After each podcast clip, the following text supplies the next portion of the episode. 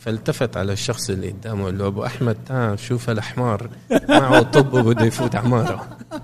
الحقيقة عاده نقص لا أكثر ولا أقل تجاه الغرب وعاده النقص حقيقة موضوعة بمكانها الغلط نحن متخلفين عن الغرب لا خلاف على ذلك متخلفين بطريقة عجيبة عن الغرب. يعني آه الغرب يرغب بفهم الإسلام لأنه هذا بيسهل السيطرة على المسلمين. الغرب الحقيقة تعلم يسيطر علينا عن طريق قدرته على معرفتنا. ولأنه الممولين العرب جهلة وعم استعمل الكلمة هون بأحط معناها. Yeah. الممولين العرب جهلة. أهم متحف في العالم. نص محتوياته مسروقة. ونص المحتويات المسروقة مسروقة من العالم العربي.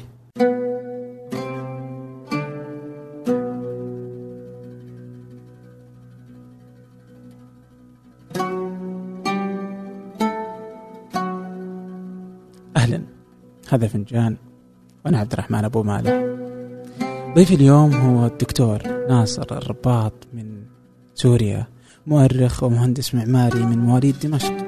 يشغل وظيفة أستاذ الأغا خان للعمارة الإسلامية وهو مدير برنامج الأغا خان في معهد MIT في كامبريدج في بوسطن الولايات المتحدة الأمريكية. تحدثنا في هذه الحلقة عن العمارة العمارة الإسلامية العمارة في العالم فالعمارة والثقافة ذكرياته عن العمارة في دمشق كيف بدأ هذا المجال حتى أن أصبح أستاذا في معهد مايتي هناك في أمريكا. الحديث يعني عن المماليك العمارة الفاطمية تدمير التراث الثقافي في سوريا وفي العراق عن كتبه والتدمير الثقافي من نابليون إلى داعش. ربط الثقافات والآثار الفن بالحروب والمآسي وكيف يراها المشهد الهوية التاريخ كيف يجد دبي الفن المعاصر البناء المعاصر العمارة المعاصرة هذا الشكل وعقدة النقص العربية التي يعيشها العرب كلهم. الحلقة رائعة والحلقة ستكون يعني مهمة في مجال العمارة والفن والفنون. والهوية بالضرورة. فقبل أن نبدأ يعني أود أن تشاركوا هذه الحلقة مع من تعتقدوا أنها تهم ولا تنسوا إرسال اقتراحاتكم على إيميلي أبو مالح ثمانية dot com أبو مالح ثمانية dot com وكذلك هناك شبكات التواصل الاجتماعي الخاصة بثمانية على كل من تويتر إنستغرام يوتيوب ثمانية في كل شبكات التواصل الاجتماعي. أما الآن لنبدأ.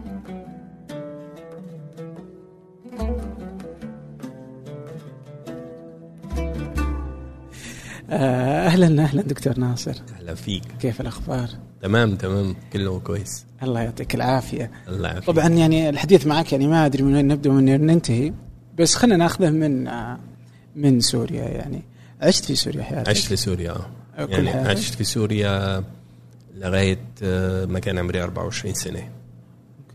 وين في وين في؟ في دمشق. دمشق. درست هناك العمارة؟ درست العمارة في جامعة دمشق. أه. وين بدا اهتمامك أصلا بالعمارة يعني؟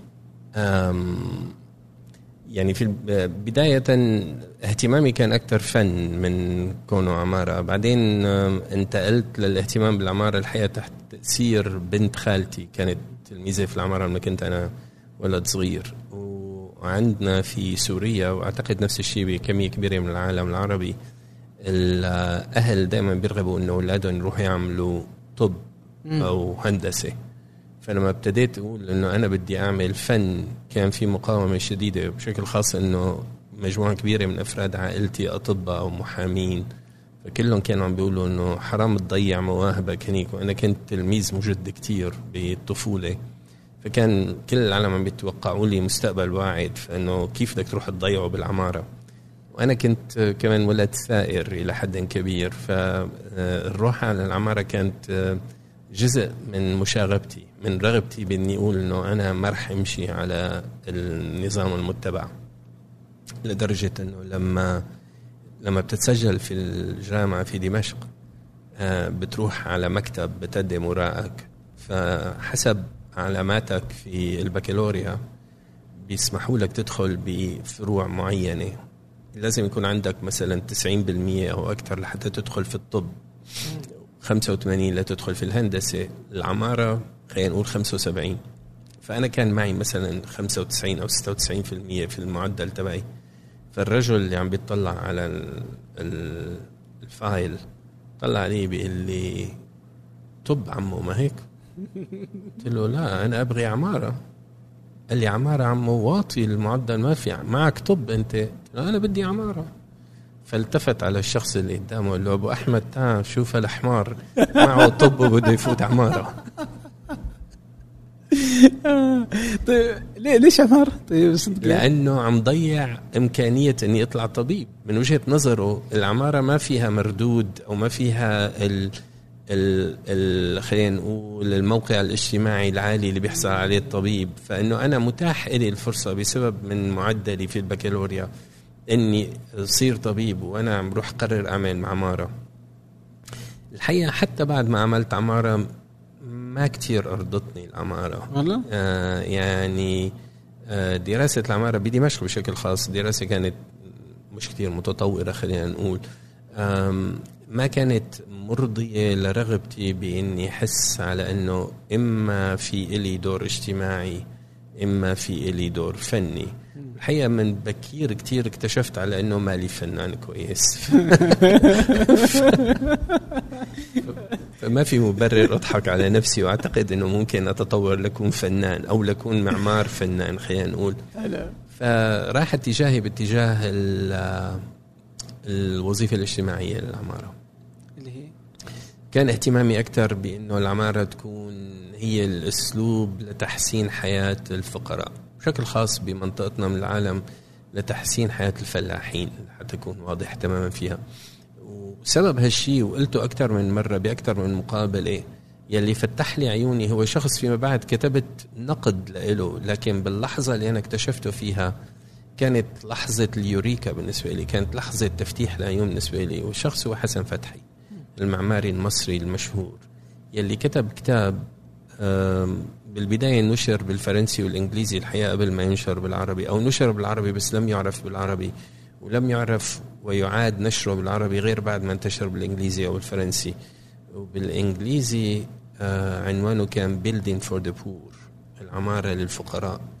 وهو اللي دعا للعودة لاستخدام عمارة الطين هو اللي دعا للعودة لاستخدام القباب والقبوات والعمارة المقوسة. وهو اللي دعا للعودة لاستخدام مواد محلية بحيث إنك ما تضطر تستورد.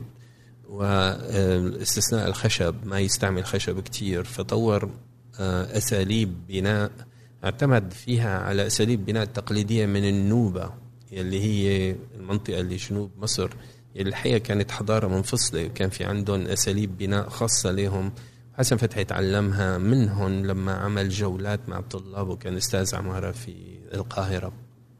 وكتب هالكتاب.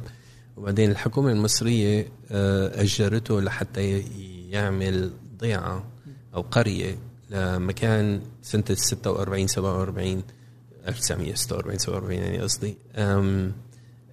قرية اسمها القرنة في مقابل الأقصر في جنوب آه، مصر. غمر الفيضان.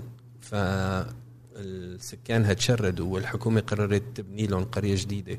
بس الحكومة كانت واعية لأنه هدول السكان كلهم مهربين آثار لأنه كانت القرية على سفح الجبل يلي فيه القبور الفرعونية. فكانوا ينقبوا في الجبل ويدخلوا لجوا ويسروا الآثار ويبيعوها للمتاحف الغربية أو للهواة ومجمعي ومقتني الآثار. فالحكومة كانت واعية لهالشيء زي قررت أنه تنقل موقع القرية تبعهم من سفح الجبل إلى حوض النيل يعني يبنوها قريبة جدا من النيل بحيث ما يكون لهم مدخل أنه يحفروا. فالسكان ما انبسطوا على الرغم من أنه حسن فتحي صمم قرية نموذجية بحقيقة الأمر لكن السكان ما انبسطوا من هالموضوع. بس كتابه فتح لي عيوني على إمكانية على أنه نستخدم أساليب أساليب تقليدية بالعمارة وعلى أنه نستخدم المعلومات الجديدة أو العلم الجديد اللي عم نكتشفه عن استخدام الشمس والهواء وما شابه ذلك في تلطيف الجو وفي تدفئة البيوت وفي تدفئة المياه الشيء اللي بنسميه passive solar energy اللي هو استخدام العمارة للاستجابة للمناخ وللمحيط.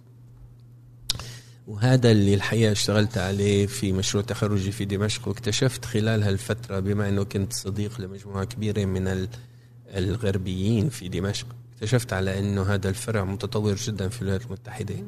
ورغبت أني إجي كفي دراستي في الموضوع و UCLA كانت هي الجامعة اللي فيها الحقيقة أكثر مركز متقدم لدراسة passive solar energy ولحسن حظي. قبلوني لأنه اللي طالعين من دمشق أو من سوريا بالعادة لا يقبلوا في الجامعات المهمة. فانقبلت وبعد معاناة سنة ونص لحتى آخذ باسبور في سوريا كان ممنوع سفر الناس اللي من عمري. كم كان عمرك؟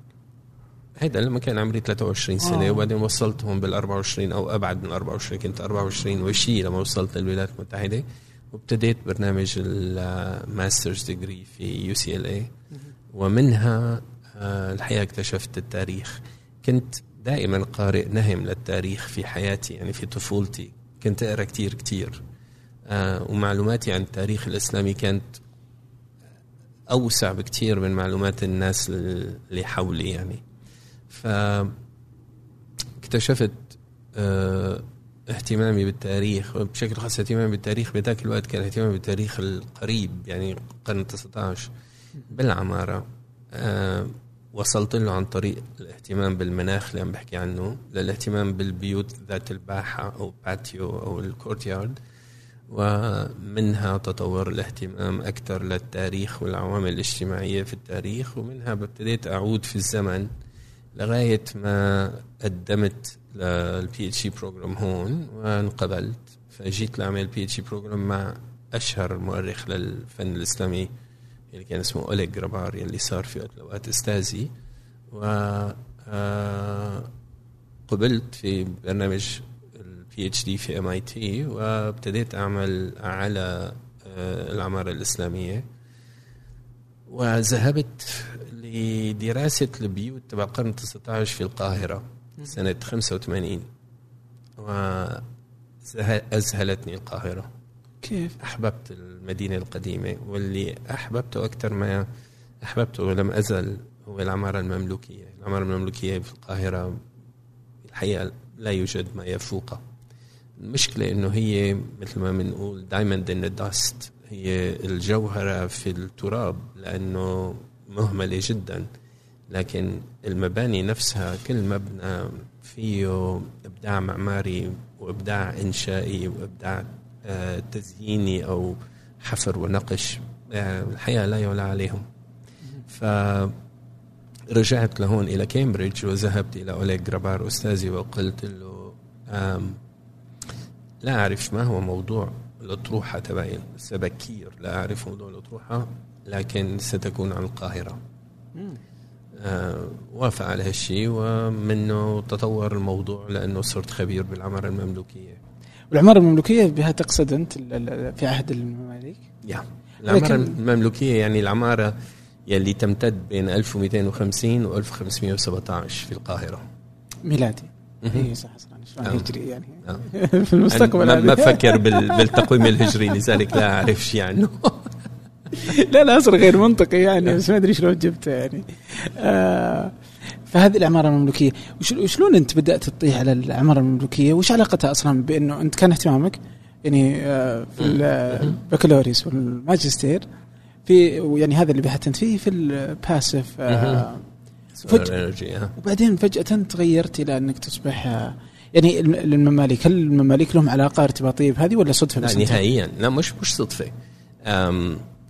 سو so في شهر تموز أو يوليا من 1985 حصلت على منحة سفر لدراسة البيوت ذوات الباحة في القاهرة ودمشق.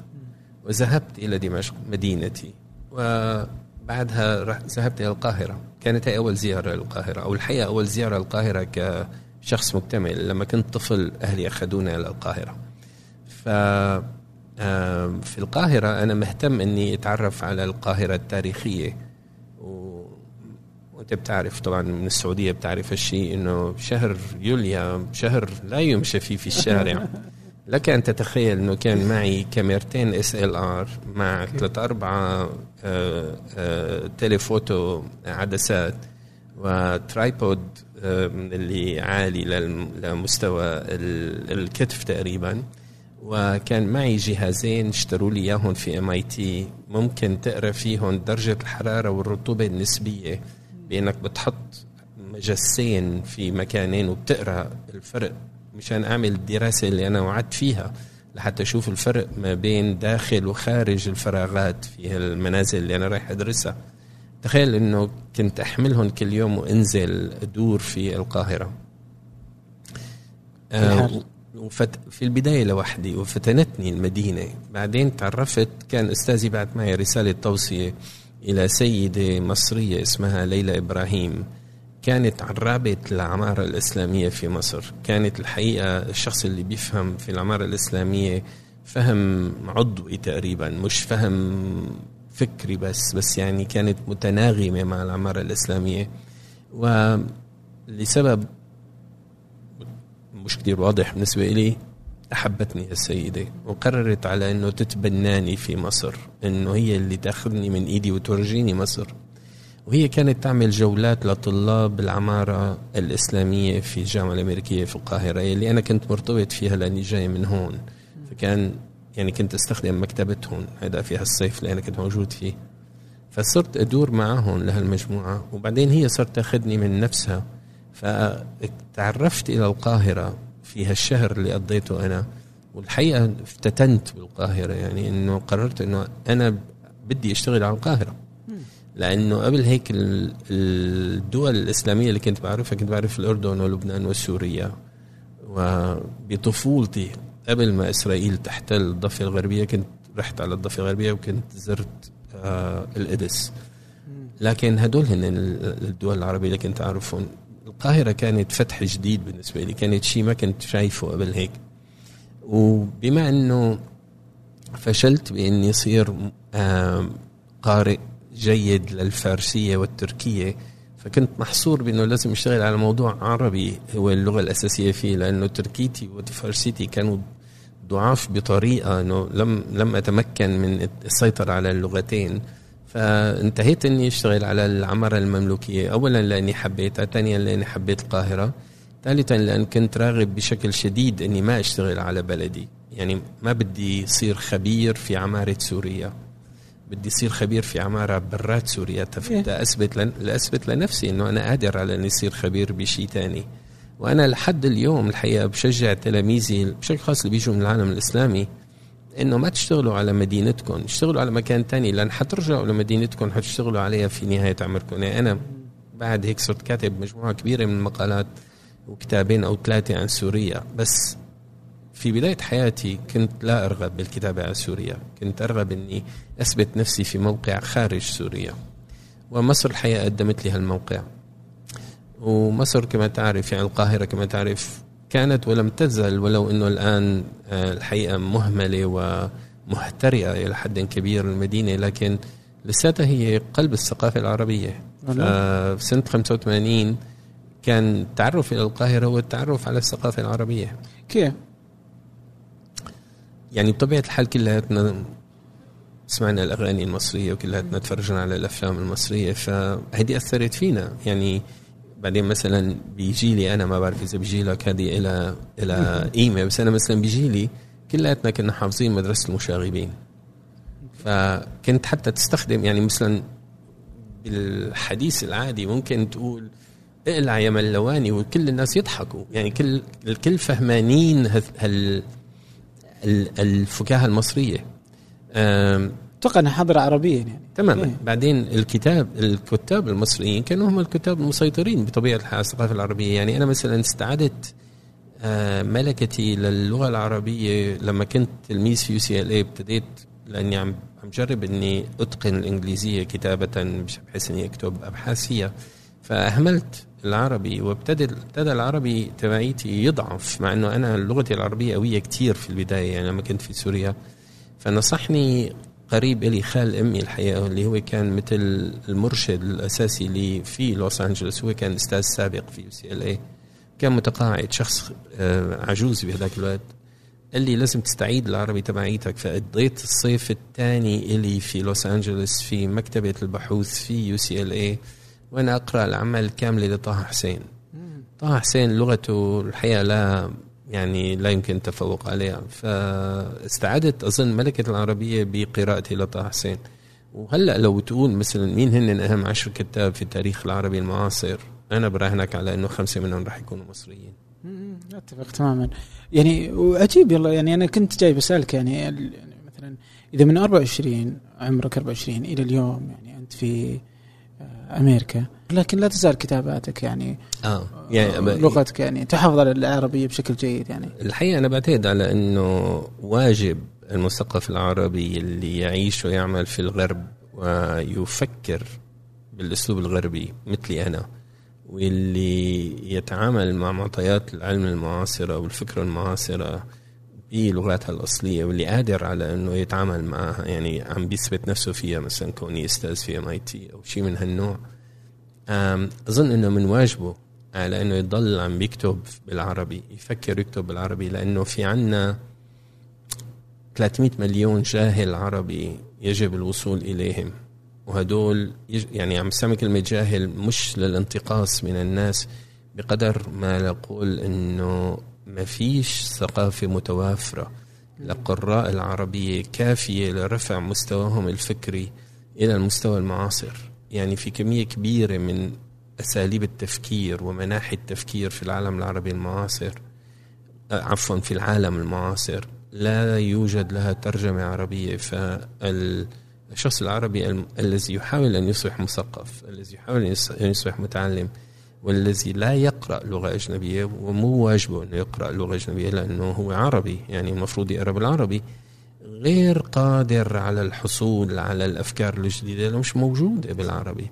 فأنا أعتقد على أنه من واجب الناس اللي مثلي على أنه يكتبوا في مجالاتهم بالعربي. لا قراء العربية. ويكون فكرهم أنه أنا أساهم في إغناء الثقافة العربية من جهة في سبيل تعليم العرب. والحقيقة هذا هو اللي خلاني انتقل من كوني معمار لكوني أستاذ. يعني أنا بوعي تام أصبحت أستاذا لكي أعلم. يعني أنا أريد أن أنقل العلم إلى الناس. فأعتقد على أنه الكتابة بالعربي بالنسبة لي والمحاضرة بالعربي وكتابة المقالات بالعربي كتابة بالصحف العربية أعتقد هذا واجب بالنسبة لي. والجزء الثاني منها هو إنه اللغة العربية على ثرائها لأنه هي لغة غنية جدا لغة فقيرة بالنسبة للفكر المعاصر لأنه حتى الآن لم نطور مصطلحات معاصرة لكميه كبيرة من مناحي الفهم والعلم. فهذا واجب الناس اللي مثلي اللي عم يشتغلوا باللغات الأجنبية باللغات الأوروبية بشكل عام واللي عم بيتعلموا المفاهيم الجديدة باللغات الأوروبية هدول واجبهم على أنه ينقلوا هذه المفاهيم إلى العربية بحيث تبقى متاحة للمفكرين العرب ولا المتعلمين العرب يلي بحاجة لأنه يستخدموها كأدوات لتطوير فكرهم إلهم. فأنا أعتقد على أنه إغناء اللغة العربية أو مساعدة اللغة العربية على المقاومة وعلى أنه يكون لها مكان في الفكر المعاصر في الفكر العالمي المعاصر. و آه، الفكر العالمي المعاصر للقراء العربية واجب الناس اللي مثلي. الناس اللي عايشين في الغرب يلي أصبحوا جزء من الغرب واللي قدروا على أنه يثبتوا لنفسهم وللعالم على أنه لهم موقع في الهيكل التعليمي في الغرب. واجبهم على أنه يلاقوا شيء من هالنوع للعالم العربي. وأنا باخذ هالواجب الحقيقة بقدر كبير من حس المسؤولية. مستمعي فنجان القدامى يعرفون إكسير البن والأصدقاء في إكسير البن كانوا داعمين لفنجان أكثر من مرة. هذه المرة عندهم خدمة جديدة. إحنا في ثمانية نستخدمها وهي مريحة جدا. لكن قبل أحكيكم عن الخدمة إذا كنتم من سكان الرياض ودي أنصحكم نصيحة. وهي أنكم تزورون فرع إكسير البن الجديد في الحمراء فرع رائع صممته شهد العزاز إحدى ضيوف فنجان السابقين. كنا في ثمانية في هذه الخدمة من أوائل الناس المشتركين فيها. هي اشتراك شهري عبر المتجر الإلكتروني تصلك نكهتين مختلفتين من البن كل شهر. شهر من السلفادور وكينيا شهر ثاني من إثيوبيا واليمن. ولا تتعب نفسك وتحتار وتختار. اشترك مرة واحدة واستمتع بالقهوة تصلك أينما كنت في السعودية أو خارج السعودية. الاشتراك في الخدمة متوفر عن طريق موقعهم اكسيرالبون dot com اكسيرالبون dot com أو ابحث في جوجل اكسيرالبون راح يكونون في أول النتائج. و آه سواء اشتركت في الخدمة أو لا إذا رحت الفرع اهمس في إذن الساقي فنجان. يمكن يعطونك قهوة ببلاش.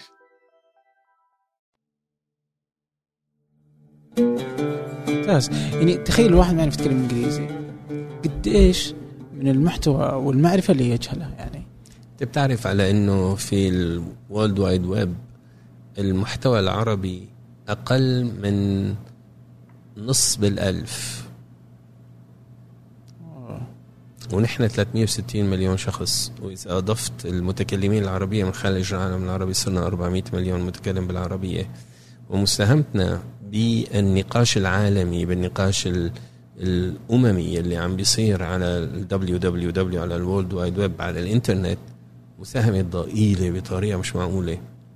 وأعتقد على إنه لو جمعت المساهمة اللي عم نعملها نحن كعرب بالانجليزي أو الفرنسي أو الالماني أو الاسباني أو اللغات الثانية اللي بنتكلمها أعتقد إنك بتلاقي على إنه أغنى من مساهم من مساهمة بالعربية.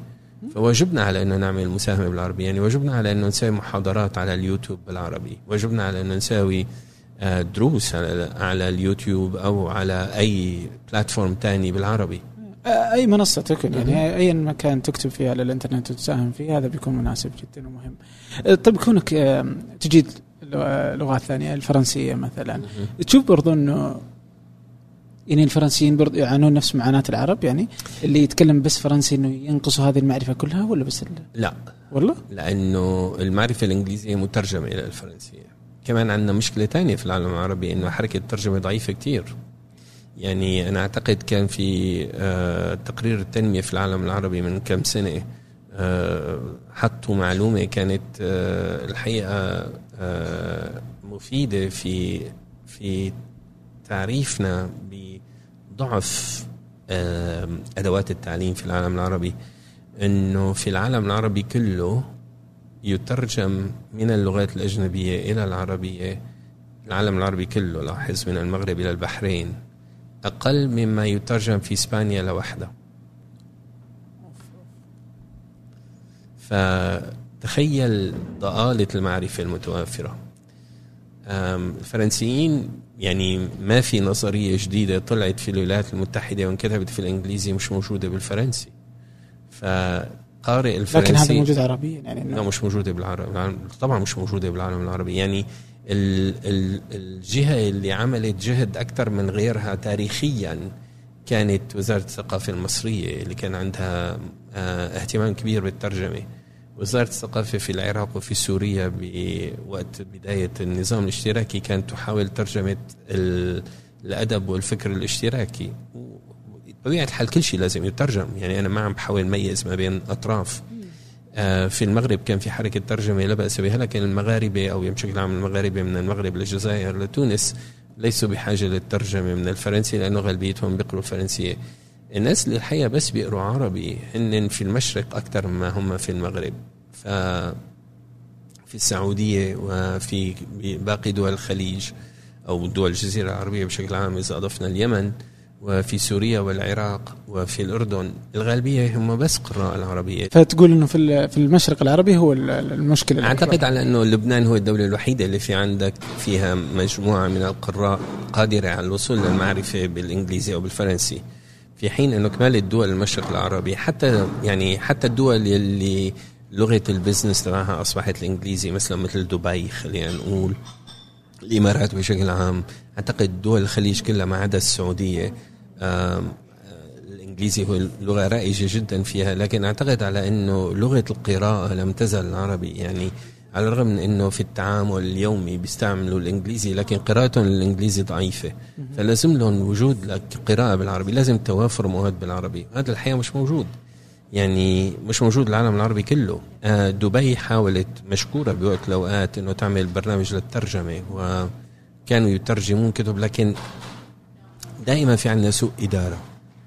في كمية كبيرة من الكتب اللي لأنه كانوا بيطرحوا مناقصات ويطلبوا من الناس إنه يعرضوا عليهم ما يترجم. فطبعا كمية كبيرة من الناس استغلوا الوضع. صاروا يترجموا كتب مترجمة أساسا. بس لأجل يعيدوا. ترجمتها مش لأجل الفلوس. فكان يعني آه فكانوا بيعيدوا ترجمة الكتب. يعني يعني كان في كمية كبيرة من الكتب يلي ترجمتها ونشرتها دبي في برنامج الترجمة. كانت موجودة في ترجمات في أماكن أخرى ترجموها مثلا دور نشر صغيرة في سوريا ما حدا سمع فيهم. فبالتالي الدبيين لم يعرفوا إنه موجوده الترجمة بس المترجم الحرامي كان عارف على انه آه. في ترجمة عربي. ف بس بغض النظر عن هالشيء بعدين في عندنا مشكلة ثانية مشكلة الرقابة.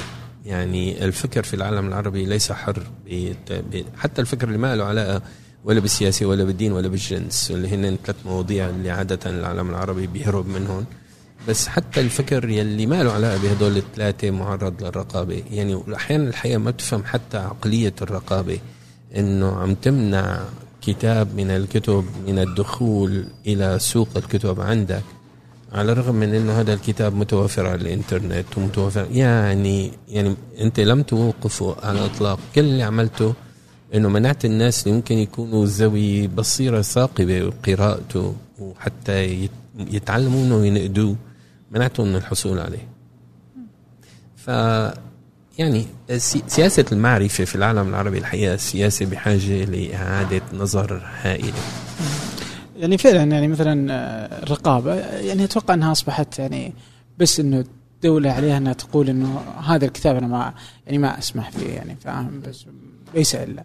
يعني إني أنا ما أوافق هذا المحتوى. بس إنه فعليا الناس تقدر تحصل عليه سواء إنه اخذ PDF أو إنه إذا كان أصبح اليوم Amazon Kindle يعني كل شيء تلقاه موجود يعني ولا تستطيع إنك تحجب. تحجب هذا. والأمور جالسة تصبح لأنه كل هذا آه، هذا هو المستقبل. يعني شئت أم أبيت يعني ما هو فترة معينة لا خلاص هذا هو واضح إنه مكانه يعني. ف وفي برامج يعني هذه البرامج اللي على الحكومة إنها تسوي الترجمات هذه مهمة يعني. آه وكيف تضبط يعني هذه مسألة يعني. يعني أتوقع أن في مشروع من وزارة الثقافة انها دوبها بدأت عندنا في السعودية اللي هو الترجمة. فلعله يعني نشوف يعني ايا تكون الترجمة وتكون ممتازة حتى اللي سوته دبي وإن لم يكن جيد فخ- فخير يعني. هو آه طبعا يعني في النظرية المعروفة على إنه آه حتى لو كان في هدر لكن كل ما بتضخ أكثر كل ما بيوصل للنهاية أكثر حتى لو في على الطريق هدر.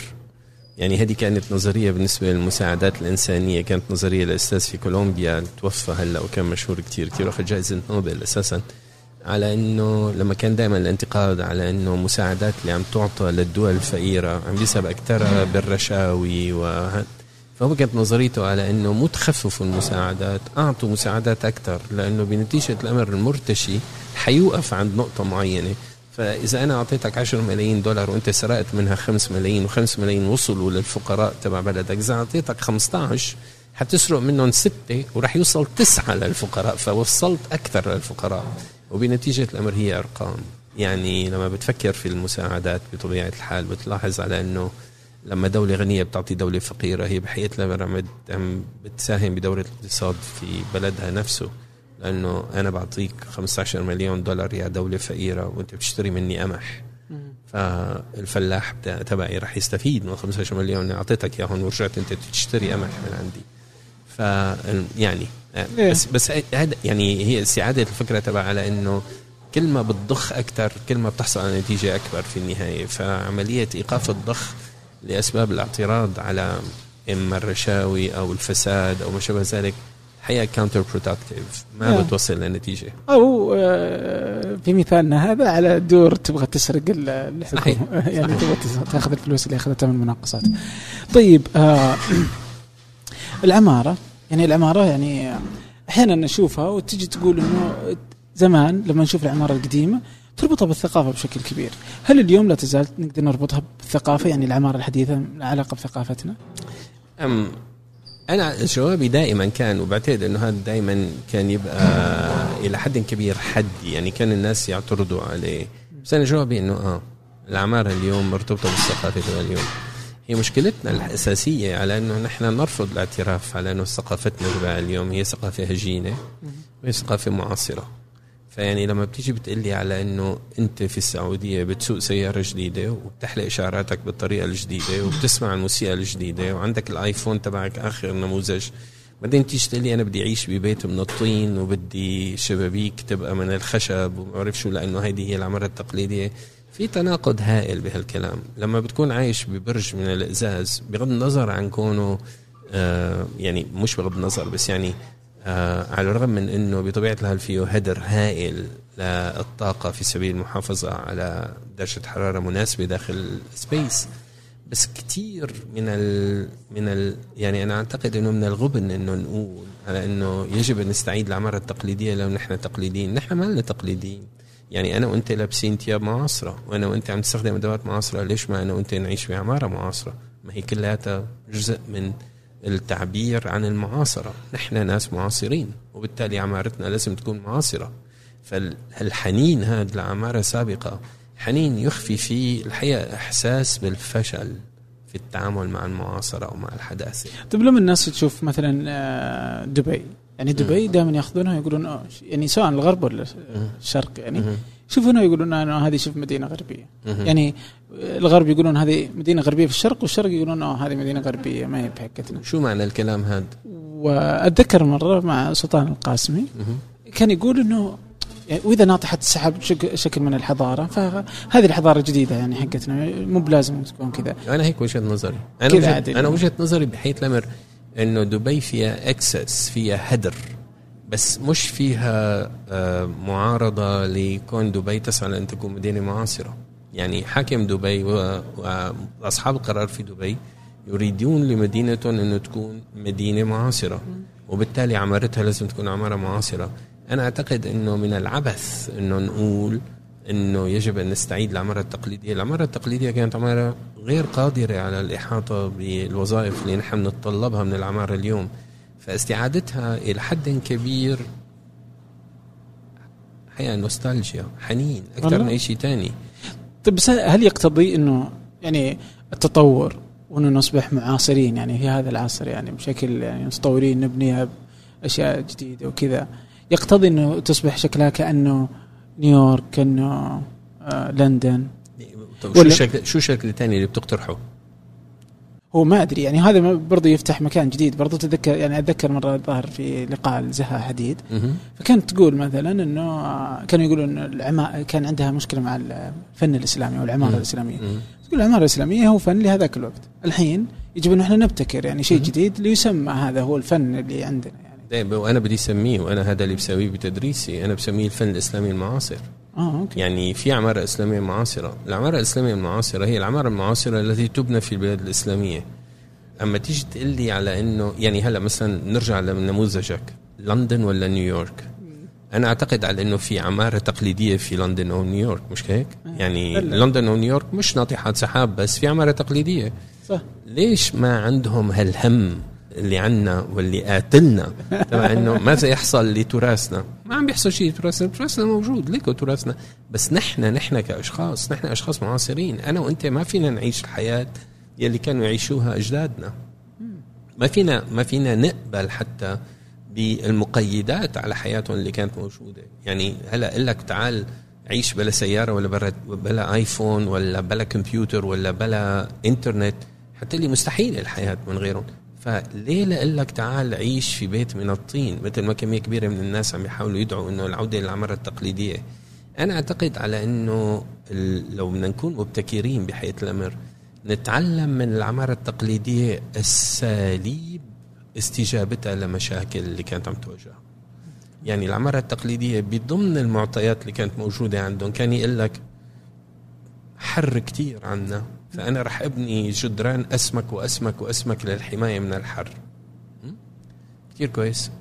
المواد اللي أنا بستخدمها اللي كانت الطين والقش وما شابه ذلك وساوي منها هالبلوكات الطين هي اللي أنا عم بعمرها كان لازم يعمل البلوك سماكته متر لحتى يحافظ على درجة من الرطوبة داخل الفراغ. هلأ في عنا مواد تقدر تحقق نفس الكويفيشنت من العزل يلي بتعملها بمتر كامل من الطين بجدار سماكته 5 سم ليه لا أرجع للسماكة تبع المتر؟ طالما الهدف هو الحفاظ على الرطوبة في الداخل وأنا قادر على تحقيقها بمواد معاصرة. طيب ماذا عن مثلا؟ يجي يقول لك أنا ببني عمارة يعني أو ناطحات سحاب ولا يعني يكون ولا بالهذه بس يكون كذا في مثلا آه، الرسم الأندلسي. آه بس شو قلنا على بالأندلس؟ يعني هلأ لما تيجي تقول لي على إنه أنا راح أستعيد قصور الحمراء في عمارة اليوم طبعا يعني دبي والأندلس يعني دبي أقرب إلى فيينا من ما من كونها إلى الأندلس إذا بدك تشتغل على أساس إنه أنا عم بستخدم. أنا أعتقد على إنه نحن وصلنا لعصر فيه حريه الابتكار وحرية الاقتباس. تسمح لك إنك تقتبس من أي مكان.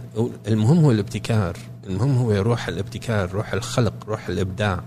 هذا اللي بينقصنا. مش اللي بينقصنا إنه نحن عم نس عم عم نخسر هويتنا. نحن عم نخسر هويتنا بسبب من تقاعسنا على المساهمة في الإبداع العالمي اليوم. مش عم نخسر هويتنا لأنه عم نساهم في الإبداع العالمي. لو نساهم حقيقة كثقافة عربية معاصرة بالإبداع العالمي اليوم ما كنا رح نحس بهالدرجة من النقص اللي بنحس فيها. يعني لاعطيك مثال العمارة التي نسميها عمارة إسلامية بدأت بعد عصر الرسول. في عصر الرسول كانت العمارة ضعيفة جدا أو متواضعة جدا بحيث ما فينا نسميها لسه عمارة. بدأت الحقيقة في العصر الأموي. لما بتنظر إلى العمارة الأموية بتلاقي على أنه التأثيرات البيزنطية والرومانية فيها هائلة هائلة. لدرجة على أنه في بداية القرن العشرين كان في تاريخ العمارة في تاريخ في كتب تاريخ العمارة التي تدرس في الغرب. كانت العمارة الأموية تدرس على أنها عمارة بيزنطية. كانوا ياخذوا المباني يعني بما فيها بيت الصخرة في القدس كانوا ياخذوها ويدرسوها على أنه هذه نموذج العمارة البيزنطية. بحقيقة الأمر هي ما لها نموذج العمارة البيزنطية هي نموذج لنوع جديد من العمارة عم بيظهر وعم بيظهر بالعالم الإسلامي وتحت تأثير حكام العالم الإسلامي اللي هن الأمويين. والفرق الوحيد بينهم وبيننا إنه هن ما كان عندهم عقد نقص الأموي ما كان يقول إنه هدول بيزنطي يا لطيف أنا خايف إنه لا. كان واثق من نفسه هو كان عارف نفسه على إنه أنا مسيطر على على مقدراتي أنا وأنا صاحب دولة وأنا قوي وأنا قادر على حماية حدود بلدي وحتى على توسيع بلدي واحتلال أراضي الآخرين. وبما أنه الآخرين متقدمين عني بالعمارة راح أتعلم العمارة تبعيتهم واستخدمها نحن خايفين دائما عنا هال هال هال الحقيقة عقده نقص لا أكثر ولا أقل تجاه الغرب وعقده النقص الحقيقة موضوعة بمكانها الغلط. نحن متخلفين عن الغرب لا خلاف على ذلك. متخلفين بطريقة عجيبة عن الغرب. لكن اللحاق بالغرب ليس عن طريق الانكفاء إلى الماضي. اللحاق بالغرب هو عن طريق مقارعة الغرب في إخراج وإنتاج المعاصرة. بحيث إنه نقول يعني نعطيك أمثلة من اللي عم بيحصل حوالينا. الفن العربي المعاصر اللي عم بيساهم بالفن العالمي الموسيقى العربية المعاصرة الراب العربي المعاصر اللي عم بيقول أنا بدي ألاقي لنفسي مكان في مجال الإبداع في موسيقى الراب. أفضل بكتير. من اللي قاعد وعم بيقول لك أنا رح أرجع للكتب القديمة وما لي على أبدا بالمعاصرة المعاصرة مش تبعي. المعاصرة تبع هذا الغرب والغرب عدوي الغرب عدوك صحيح بس عداوة الغرب آه، مظهرها الأمثل هو بأنه الغرب عارف جهلك بالمعاصرة وعارف حاجتك للمعاصرة ويستغل هذه الحاجة. يستغل هذه الحاجة عن طريق السيطرة. على معاصرتك. أنت اللي لازم تمسك معاصرتك بإيدك. إيش في مثال كذا جيد؟ يعني مثلا لو جينا أخذنا كل آه، دولة مثلا نفترض أنها تسوي شيء مثلا معين. إيش في دولة كذا سوت؟ لو مثال واحد مو بالضرورة. دبي؟ امم آه يعني على الرغم من اعتراضي الشديد على آه، تفاوت الدخل وإهدار المال والتعامل مع العمال الأجانب والاهتمام بالبيئه بدبي كل هالأشياء هذه سلبية في دبي. لكن لا خلاف على أن دبي هي مدينة تحاول أن تلحق بالمعاصرة. وتحاول أن تلحق بها على على حسابها هي. يعني أنا أنا أريد أن أكون مدينة معاصرة. والحقيقة نجحت إلى حد كبير بالموضوع. يعني عم تستخدم الأدوات الماليه المعاصرة. حلو. عم تستخدم أساليب البناء المعاصرة. عم تستخدم أساليب الاستثمار المعاصرة. بحيث أنك تخلق رفاهية لبلدك. يعني دبي مدينة مرفهة صح أو غلط؟ صح. أنا أعتقد دبي اليوم مدينة مرفهة أكثر من أي مدينة أخرى في العالم العربي يمكن أكثر من أي مدينة أخرى في العالم الثالث. ومع ذلك هي مش مدينة منتجة للبترول يعني بمعنى تاني الثراء تبعيتها مش مدعوم بمصادر طاقة. صح. الثراء تبعيتها مخلوق هي عم تنتجه عم تنتجه عن طريق الذكاء في بيع الأراضي وفي يعني بيع كذا المباني. أنت تقوله كذا يعني وأنت يعني الاستاذ مدير برنامج الأغل للدراسه للعمارة الإسلامية. آه. أنت تشوف انه دبي مثال إيجابي للعمارة الإسلامية. مش للعمارة الإسلامية. آه. آه. أنا بشوف أنت سالتني يعني يعني أنت- لا لا لا دبي مثال إيجابي للحاق بركب المعاصرة. أوكي. وأنا كأستاذ العمارة الإسلامية أقول على إنه العمارة الإسلامية العماره الإسلامية التاريخية عماره اسلاميه رائعه وجديرة بالدراسة لروعتها بوقتها وكمان جديرة بالدراسة لأنه بتعلمنا دروس عن التعامل مع معاصرتنا مش عن طريق استعادتها للعمارة الإسلامية بس عن طريق استعادة استجابتها للتحديات اللي كانت موجودة أمامها. يعني العمارة الإسلامية في العصور المختلفة للعمارة الإسلامية كان في عندها تحديات إنشائية وفنية وبنائية وطرازية ومعنوية وما شابه ذلك واستجابت لها. استجابت لها بحلول بحلول معمارية. نحن ممكن نتعلم من هذه الحلول المعمارية مش استعادة الشكل نفسه أو الحل نفسه بس طريقة التفتيش عن حل. أوكي. طيب اليوم آه، وش سر اهتمام الغرب؟ يعني إحنا اليوم في هنا في بوسطن عندنا تدير أنت برنامج الاغا للعماره الإسلامية في جامعة آه، MIT. آه وهذا ليس وحيدا يعني في لعل في أغلب الجامعات آه الغربية في أوروبا وفي أمريكا إنهم يدرسون العمارة الإسلامية، ما مدى اهتمام يعني وش سر اهتمام الغرب بالعمارة الإسلامية؟ أم خلينا نفصلهم لفترتين. أوكي. يعني وهل هو اهتمام بالعمارة الإسلامية لأنه العمارة الإسلامية ولا إنه زيها زي بقية الثقافات يعني فيه اهتمام بالثقافات الثانية ولا العمارة الإسلامية تكون أعلى هسه اهتماما. بقول خلينا نفصلهم ل ل ل خلينا نفصلهم لقسمين تاريخيين. في الاهتمام بكل شيء له علاقة بالإسلام في سبيل السيطرة عليه يلي خلينا نسميها الفترة الاستعمارية. يعني آه الغرب يرغب بفهم الإسلام لأنه هذا بيسهل السيطرة على المسلمين والسيطرة على مقدراتهم والسيطرة على أرضهم والسيطرة على قرار سياسي وسيطر عليهم بوقت الأوقات لما استعمروا. في معادل له وماشي معاه بنفس الوقت يلي هو الرغبة بالمعرفة يلي نحن متأخرين جدا في تطويرها. يلي هو الغرب بيقول لك أريد أن أعرف كل شيء. وكل شيء يتضمن كل شيء. يعني الغرب الجامعات الغربية اليوم فيها ناس عم يشتغلوا مواضيع ما حدا مهتم فيها. ما حدا مهتم فيها ابدا ابدا, أبداً. غير الشخص نفسه اللي عم يشتغل عليها. وله مكان ليشتغل عليها وميزانية اللي حيشتغل عليها وإمكانية نشر المواد اللي عم يشتغل عليها. يعني ما الذي يدفع ثقافه ما مثل الثقافة الأمريكية اليوم؟ لأنه تدعم أستاذ في هارفارد يعمل على نصوص لغة. اللغة بادت والناس اللي كانوا يتكلمونها بادوا والنصوص غير ذات قيمة على الإطلاق غير قيمة إثبات ما فكر فيه هؤلاء الناس من أربعة آلاف سنة لا لا علاقة لهم بالحاضر إطلاقا ولا يوجد من يدعي الانتماء لهم بالحاضر. يعني لغات بائدة وثقافات بائدة. في عندك ناس يقضون عمرهم هن عم بيحاولوا يفكوا الخط هذا لحتى يقروا هالنصوص وينشروها.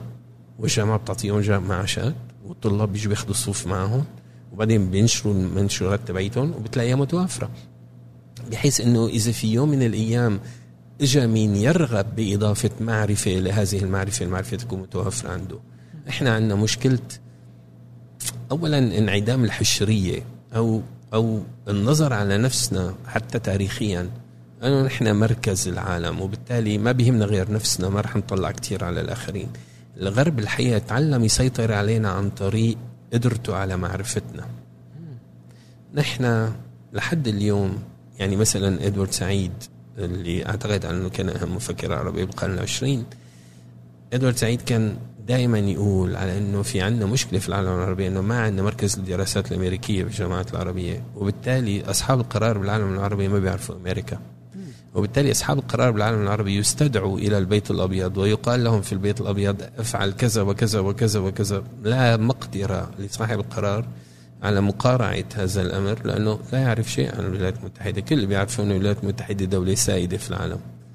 في حين لو عندك مراكز دراسات بتنتج دراسات عن الولايات المتحدة اليوم ممكن يبقى عندك قرار. ممكن لما يقال لك افعل كذا وكذا وكذا تقول لا أنا راح أروح أحكي مع الكونغرس والكونغرس يقول كذا وكذا مختلف عما يقول البيت الأبيض.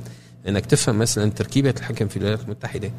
أصحاب القرار في العالم العربي لا معرفة لهم بتركيبة الحكم في العالم في, في الولايات المتحدة. بيعملوا كل غلطة أكبر من الثانية في التعامل مع أصحاب القرار في الولايات المتحدة. وبالتالي بيخسروا إمكانية الحصول على دعم لاتجاهاتهم مقابل ضغط عم بيحصل ضدهم من من خلينا نقول الإدارة الأمريكية أو من جهات معينة في الإدارة الأمريكية.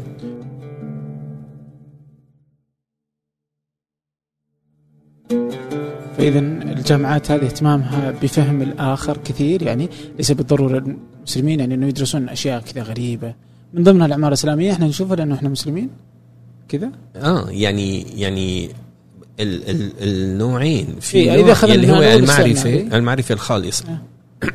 يعني الرغبة في معرفة العماره الإسلامية. كجزء من التراث الإنساني. يعني قصدي ما فيها شيء خاص يخلي الناس تبحث فيها أكثر؟ لا. آه, آه. لا لا لا لا. جزء من أجزاء البحوث. يعني العمارة الإسلامية ولا العمارة تبع الإنكا ولا العمارة تبع المايا ولا العمارة تبع اليابان ولا الصين ولا وسط آسيا ولا الهند ولا العمارات الأفريقية. كلها في ناس بيبحثوا فيها من الأمريكيين مش بالضرورة من الناس اللي جايين من هذه البلاد. وينتجوا معرفة فيها. هذه المعرفة تجير للمصلحة السياسية لما يكون في داعي لإلها. ولكن كمان هذه المعرفة نابعة من الفكرة المسيطرة من فترة النهضة يلي هي الإنلايتنمنت القرن 17 18 يلي غيرت التفكير بأوروبا. كما قلت لك لأنه أريد أن أعرف كل شيء. كل شيء مش بس بالثقافة كل شيء كل شيء يعني الحيوانات والنباتات والحشرات والسماء والكواكب والكون. يعني هالنهضة العلمية اللي صارت مبنية على فكرة مركزية الإنسان بالمعرفة وأنه الإنسان هو صاحب القرار بالمعرفة وبالتالي الإنسان يطمح لمعرفة كل شيء لحتى يفهم محيطه. طيب إيش رأيك في مصطلح العمارة الإسلامية؟ تتفق معه؟ من يملكه؟ ولا حد.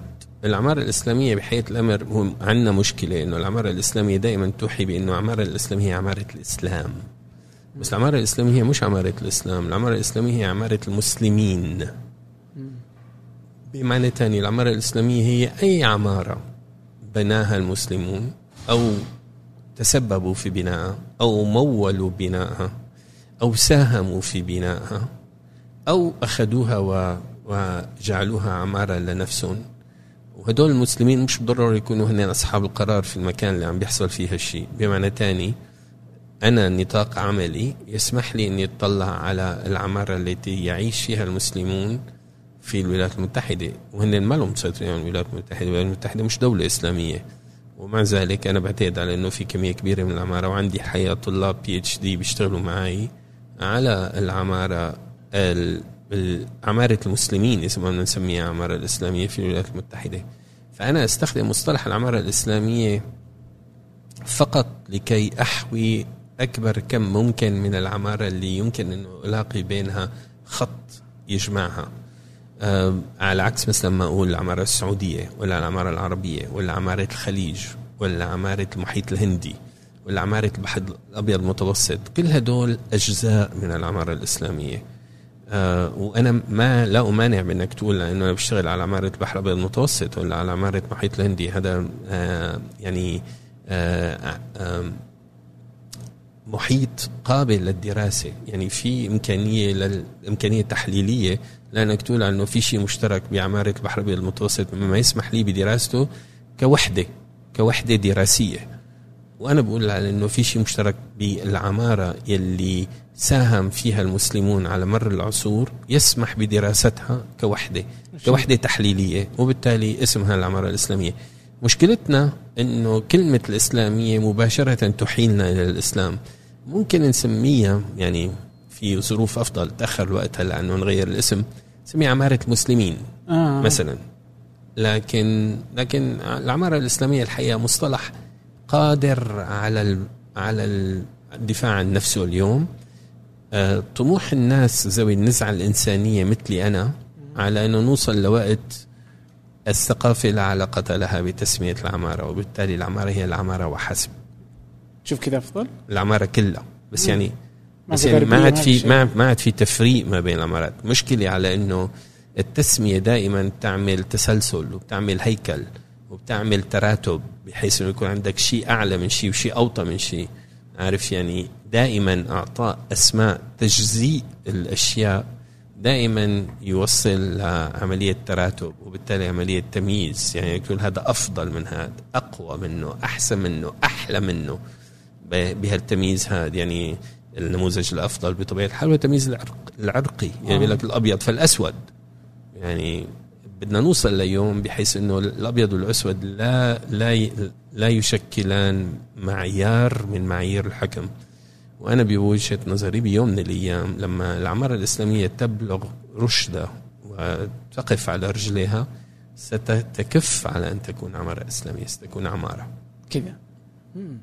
طيب آه أنت قبل شوي قلت إنه في خط مشترك. كذا تقدر ترسمه على العمارة؟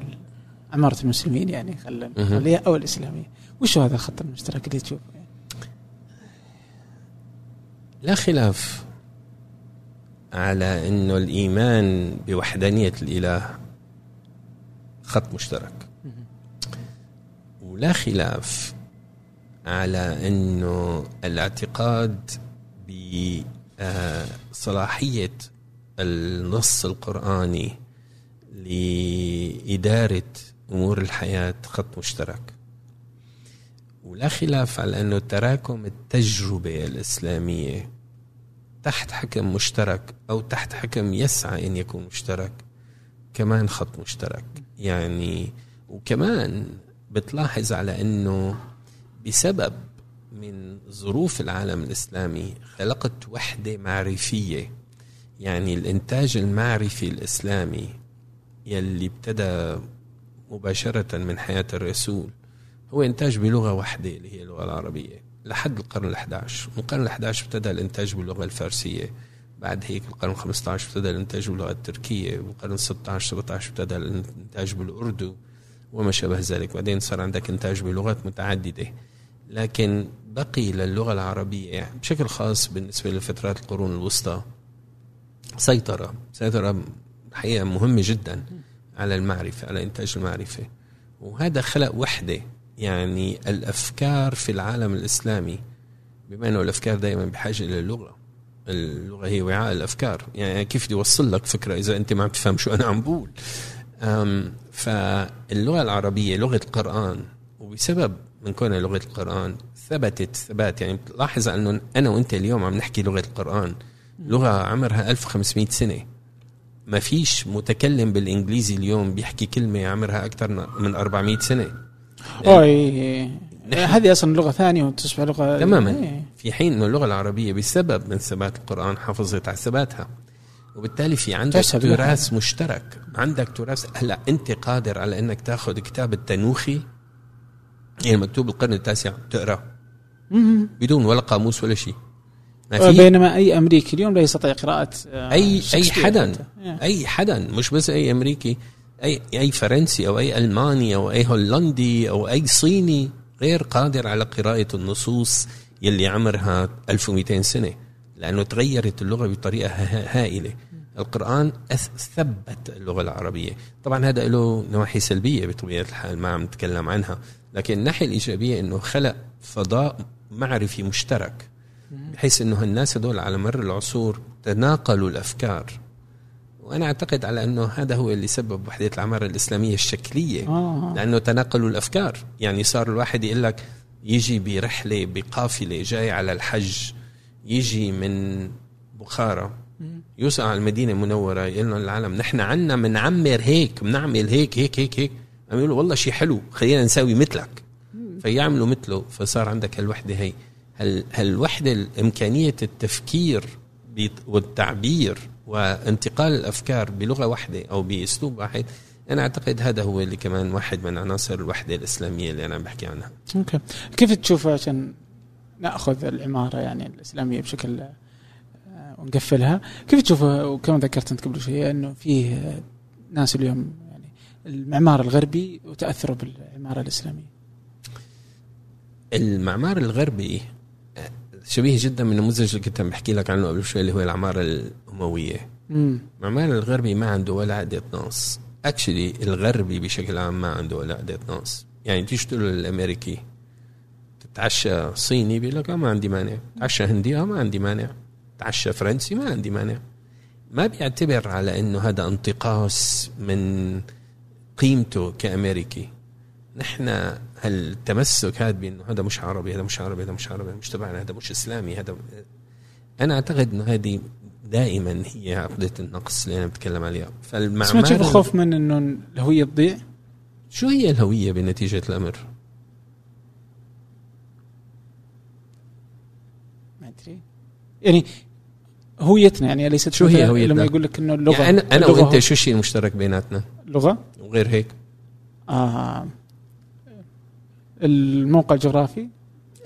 لا يعني شيء. يعني أنت أقرب إلى إيران من من مني أنا من سوريا. ومع ذلك أنت وإيرانيين ما لكم أصحاب كثير آه. فانا أعتقد الموقع الجغرافي قليل الأهمية. الدين. يعني يعني أنا مثلا أقرب كثير لليونان من من, من لإلك. آه. يعني والدين الدين لا. لأنه أنا مثلا أرفض حصر أي الثقافة الإسلامية بالدين الإسلامي لأنه مساهمة غير المسلمين من الناس اللي استمروا بالعيش بالامبراطوريه الإسلامية في الثقافة الإسلامية هائلة. وبالتالي ما فينا ما فينا نحصرها بالمسلمين بالذات. الإنتاج الثقافي الإسلامي هو الإنتاج الثقافي اللي صار في ظل وجود الدولة وجود الإسلامية. أو الدولة الإسلامية أو الفكر الإسلامي أو التواجد اذا نقول. قلنا إنه بيني وبينك يربطنا هذه هويتنا اللغة العربية مهم. والثقافة الإسلامية آه. يعني بما أن الهوية إسلامية حتى وإن لم يكونوا مسلمين تماما إيه. تماما فبيني. وبينك هذه المشتركات تماماً. هذه هويتنا تماما وهذا جزء من هويتنا طب وهذه شو الخطر من فقدانها إذا أنا وأنت عشنا في ناطحات سحاب آه لا بس إذا عشنا في ناطحه سحاب بعدين اللغة الإنجليزية بدأت تأخذ جوها. وصاروا يتحدثون الإنجليزية أغلبهم بعدين شوي شوي هيدا لا هيدا معك حق فيها هون إيه. أنا هون أنا عم برسم خط أحمر أوكي فمتى لسبب تذكر أنا قلت لك إنه لازم نكتب بالعربي يعني في مقاومة بعملية إعادة إحياء اللغة آه أوكي طيب متى نرسم الخط الاحمر؟ إيش الهوية في نظرك؟ أنا بوجهة نظري إيه. ما هي الهوية الحقيقة مو شغلة تفرض على الناس مثل ما قلت لك لما كنا نحن صغار أنا في سوريا كنا نقول اقلع يا ملواني. ملواني لا يعني شيء بالنسبة للسوري. واقلع مش كمان مش ما بنلفظها هيك نحن بنقول شلاح ما آه. بنقول اقلع. ومع ذلك نحن فهمناها. بس مش المهم إنه فهمناها نحن فهمنا الفكاهة فيها. هذا حس الفكاهة المشترك هذا الشيء بيجمعنا هذا هو الهوية اللي أنا بحكي عنها. أنا وأنت بنحب الحمص. أنا وأنت بنحب الفلافل صح. أنا وأنت بنحب الشاورما. هذه الأشياء بتجمعنا. تحب الكبسة؟ لا الحقيقة لا. لا آه كنت جيبك بس هذا وجهة نظر شخصية. مش مش مش وجهة نظر هوية. آه لا هذه نبغى نشتغل عليها لازم نخليها تطلع حلوة. أنا وأنت بنسمع ام كلثوم بنسمع فيروز عارف حتى أنا مستعد إني أسمع الجمسي مثلا. عارف يعني إنه في أشياء تدغدغ مشاعرنا بطريقة إلى حد كبير عفوية. ما لنا سيطرة عليها. أنا أظن هي هي الهوية. آه. وهذه الهوية الحقيقة كل اللي بتطلبه هي إنه نتعارف. بس ما بتطلب منا إنه نسكر بابنا تجاه التأثيرات الخارجية. بكفي إنه نتعارف؟ بحيث إنه لأنه يعني المثال اللي حأعطيك إياه. أنا متأمرك تماما بحياتي الشخصية. وعائلتي متأمركة تماما. وأنا وزوجتي ساهمنا في تأسيس مركز الثقافه العربية في بوسطن. وزوجتي مديرة المركز الآن. وهي مديرة مدرسة اللغة العربية اللي بتدرس أولادنا العربي يوم الأحد. ونحن نعيش حياة أمريكية 100% 100% يعني مش 99% 100% ومع ذلك غالبيه أصدقائنا عرب. مش لأنه نحن عم نقول ما بدنا نصادق غير العرب. بس لأنه عم نلاقي في نفسنا هوى مشترك مع العرب. بيفهموا أحزاننا بيفهموا فرحنا. على الرغم من إنه مش زوجتي مصرية على الرغم من إنه أصحابنا ولا مصريين ولا سوريين أصحابنا غالبيتهم من دول تانية ومع ذلك بنحس نفسنا قراب لهم أكثر بكثير من أصحابنا التانيين يلي ما لهم عرب. يعني الثقافة العربية يعني بتخلينا نكون قريبين لهالناس هدول. على الرغم من إنه بشكل واعي أنا وزوجتي أخذنا قرار إنه نحن عايشين بأمريكا وبالتالي نحن حياتنا حياة أمريكية. ونحن يعني نحن ترضينا هذه الحياة ما حدا جبرنا على إنه نأخذها. فأنا بلاقي على إنه الدفاع المحموم عن الهوية هو إحساس بالنقص. الهوية الواثقة من نفسها مثل ما قلت لك. الأمريكي بيقول لك أنا مستعد آكل صيني بس بالأخير لما بتيجي بتقول لي شو مطبخك؟ حساوي الهامبرجر هيدا تبعي. لكن ما عندي أي مشكلة إني آكل صيني. أو حتى ممكن ياخذ الأكل الصيني يحطه أمريكي. كمان. زي تشوف أساسا Panda هذا هذا اللي عملتوه. أنتم بالبرياني مثلا. ولا عارف يعني الأكلات الهندية اللي أصبحت الآن جزء لا يتجزأ من المطبخ الخليجي. طب هذه أكلات هندية بالأساس أو أكلات فارسية بالأساس. ومع ذلك دخلت المطبخ. طالما ما عندكم إحساس أو ما عنده شخص إحساس إنه هذه مش تبعنا جت من مكان تاني آه صار بيقدر يبتكر فيها آه زي الكبسة اللي زي, زي. العمارة يعني لسه الرز يعني هندي والهذا يعني آه، آه، مو آه. لا وبعتقد على إنه الكبسة اللي عم تاكلوها اليوم بلشت تتغير وأنا أعتقد على إنه بيوم من الأيام حيجي يقولوا لك رح نسوي لك كبسة بنكهة ما بعرف شو والرز رح يكون منكه ولا ولا مفلفل بطريقة مختلفة موجودة آه، آه. انت بس آه، موجودة ما عليك طيب آه، اليوم آه، وانت في في في, في مجال آه، العمارة وتشوف جالس المشهد كاملا. ولك يعني آه، زيارات للمنطقة. في ناس كثير يدرسون عندك. كيف تقرأ المشهد العربي آه، للمعماريين؟ كيف تشوف العمارة؟ الشباب جالسين يشتغلون. بغض النظر عن الاسلام العمارة الإسلامية. ناخذ العمارة. العمارة العربية المعاصرة اليوم أضعف بكثير من مناحي ثقافية تانية بالعالم العربي. والله؟ يعني مثلا بقدر أقول لك على إنه الفن العربي المعاصر أو السينما العربية المعاصرة أو الشعر العربي المعاصر أقوى تعبيرا وأرسخ مكانة بنفسهم من العماره العربية المعاصرة.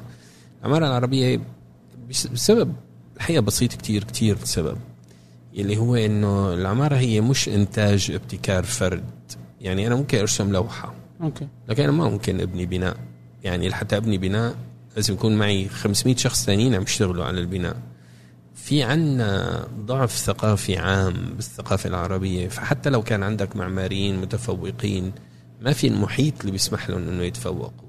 مثل. مثل مثلا زاهد حديد ما اشتغلت في العالم العربي هي هي المشكلة تماما. لما بدي أستعمل لك المثال مش تبع زاهد حديد بس أستعمل لك المثال تبع إنه في العالم العربي اليوم ما في ولا طبيب مشهور عالميا. بيشتغل في العالم العربي اليوم. بس في أطباء عرب بيشتغلوا في الولايات المتحدة ولا في إنجلترا مشهورين عالميا. يعني بمعنى تاني الفرد قادر على إنه يتفوق لكن المحيط العربي محيط الحقيقة ضعيف جدا ثقافيا بحيث إنه بدل ما يسمح للفرد بالتفوق عم بيد عم بيرجعه. لورا. فالمناحي الثقافية الثانية لا تتطلب فريق كبير وبالتالي عم تتطور وفقا لمقدرة وابتكار وموهبة الناس اللي بيستعملوها العمارة بما إنها تتطلب كمية هائلة من أصحاب القرار ومن المنفذين ومن الناس اللي بيستعملوا اللي بي بيبنوا واللي بي بيأمنوا التهوئة والتكييف والهندسة وما شابه ذلك فبتلاقي على إنه عمارتنا ضعيفة بس بشكل خاص العمارة ضعيفة في العالم العربي لأنه تتطلب قدر هائل من التمويل. ولأنه الممولين العرب جهلة وعم استعمل الكلمة هون بأحط معناها؟ الممولين العرب جهلة ممولين العمارة في العالم العربي جهلة الحقيقة إيش المفترض؟ إيش المثال الأفضل لهم يعني؟ يعني الممولين العرب للعمارة في العالم العربي آه، آه، رغبتهم بالربح طاغية على كل شيء آه، ذوقهم الفني ضعيف جدا رغبتهم بالفلاشينس بأنه تظهر المباني تبعيتهم مذهبه وأكثر بكثير من اهتمامهم بالتفاصيل الدقيقة و- وبما يضفي على العمارة جماليتها مثلا التناغم والانسجام ما بين العناصر المعمارية. هذا أقل أهمية بالنسبة لهم من إنه شوف حطينا قبه ذهب فوق المبنى أو شيء من هالنوع. فعم استعمل كلمة جهل بالمعنى تبع إنه حقيقة جهلة. جهلة بدور الممول. وهذا ينطبق على كمية هائلة من الممولين بالعالم كله مش بس بالعالم العربي. لكن العمارة المتفوقة في الغرب أو في الصين هي العمارة اللي الممولين كمان واعيين. وبالتالي لما تسألني عن زاها حديد زاها حديد عندها مجموعة من المباني مهمة جدا ما هيك؟ زاها حديد وفي كل الوطن العربي يعني. يعني عندنا في السعودية كثير في الإمارات عندها. زاها حديد صممت أكثر من ألف مبنى. لما ماتت زاها حديد كان في حوالي 15 مبنى منفذين. من هالألف مبنى اللي هي صممتهم لأنه لأنه التصميم لا يكفي بالنسبة لإنجاز العمارة. بدك دعم هائل من كمية كبيرة من الناس اللي راح يوافقوا على أحقية العمارة تبعيتك بالوجود. ولهالسبب العمارة في العالم العربي الحقيقة ما عم تنهض لأنه المعمار العربي عم يصفق بإيده لحاله ما في له حدا تاني. على افتراض على إنه المعمار العربي الحقيقة قادر على مقارعة الحداثة أو المعاصرة. متفائل في الشباب يعني اللي تشوفهم يعني سواء اللي يدرس عندك واللي يطلع من عندك أو اللي أنت تشوفه في العالم يعني كذا تشوفه من هنا ومن هنا في بس بس بس, بس, بس هنا المشكلة يعني أنا متفائل بالشباب دائما الواحد لازم يكون متفائل بالشباب. بس إذا اذا توقفنا عن التفاؤل عقل بالشباب عقل نظيف يعني تشوف إنه ممكن. بس عقل الشباب من جيلي كمان كان نظيف. عقل الشباب من جيل أبي آه. كمان كان نظيف. هي المشكلة مش عقل الشباب.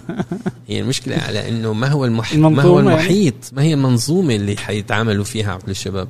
فاللي عم بيصير عندنا في العالم العربي هي قمع.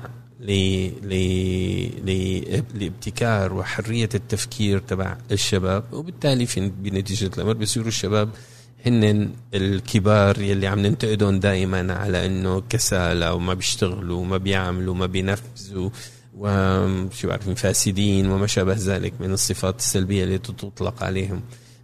كل هدول الناس في وقت الأوقات كانوا شباب وكان لهم طموحات وأحلام وكانوا يرغبوا بالتغيير. المشكلة إنه المحيط لا يسمح بهالشيء عن المحيط. بدي أرجع للمحيط. آه السوري. زعلت بعد اللي صار يعني من الآثار اللي زعلت؟ كلمة لا تفي المشاعر حقها الحقيقة انكسرت. انهزمت. في شيء داخلي انعدم. آه يلي صار بسوريا يعني طبعا تدمير سوريا بشكل عام. مقتل الكمية الهائلة من الناس. آه، جيل جديد غير متعلم على الإطلاق. آه، ناس مهجرين حوالين العالم ما بيعرفوا مستقبلهم. فكرة الوطن السوري بذاتها أزيلت من الوجود. يعني اليوم في عندك ناس في سوريا بيظنوا على أن سوريا يجب أن تكون من لون أو نوع أو طائفة أو دين معين والآخرين لا ينتموا إلها. الفكرة تبع الفسيفساء السوري اللي كانت موجودة لم تعد موجودة. وما كانت موجودة بشكل إيجابي كتير لكن كانت موجودة. بس الأكثر من هذا الشيء اللي الحقيقة بيكسر القلب هي انكسار الرغبة بالتحرر.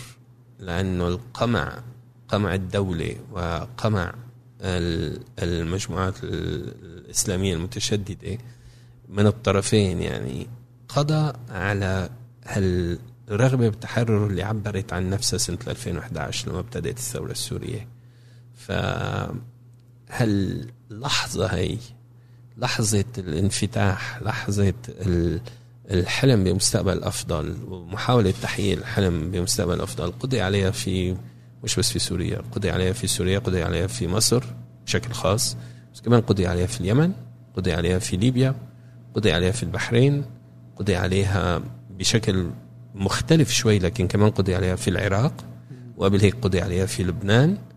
يعني لما بتفكر بالعالم العربي بتلاقي على إنه جيلكم أكثر من جيلي. أنا كنت سمي جيلنا جيل الهزيمه نحن الناس اللي انهزمنا بال 67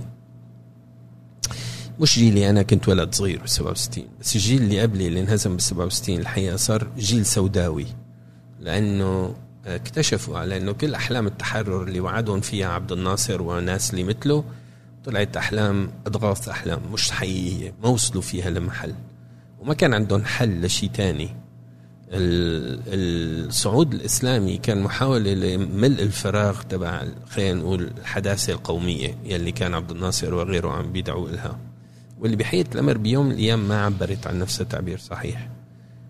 بس الكسرة تبع ثورات 2011 أنا أعتقد على أنه أكبر حتى من الكسرة تبع هزيمة 67 هزيمة 67 ضحكنا على نفسنا بال 73 وقلنا على إنه انتصرنا بحيث إنه نعوض عن هذا الإحساس الفادح بالنقص تبع 67 وعلى الرغم إنه واضح إنه ما انتصرنا وإسرائيل تمددت وإسرائيل صارت هي الدولة المسيطرة في المنطقة كلياتها لكن الجيل يلي طلع ب 73 طلع شوي عارف متفائل أكثر من جيل 67 جيل 67 قال لك خلاص نحن انتهينا. أنا أعتقد إنه ناس مثلي أنا هلأ وصلنا لقناعة على إنه نحن انتهينا لأنه قضي تماما على هالبذرة الأمل يلي ظهرت وقضي عليها بعنف بعنف هائل عنف هدفه هو القضاء عليها. يعني بتحس على أنه في رغبة بالانتقام من دعوة التحرر. وهذه تنطبق على العالم العربي كله الحقيقة. لا هذا ما يسبب كمية هائلة من الألم للناس اللي مثلي بشكل خاص اللي عايشين برا واللي عايشين بعيد واللي شايفين الدنيا كيف ماشية وعم بيقولوا لنفسهم والعالم العربي. محزن آه طيب وعن الآثار؟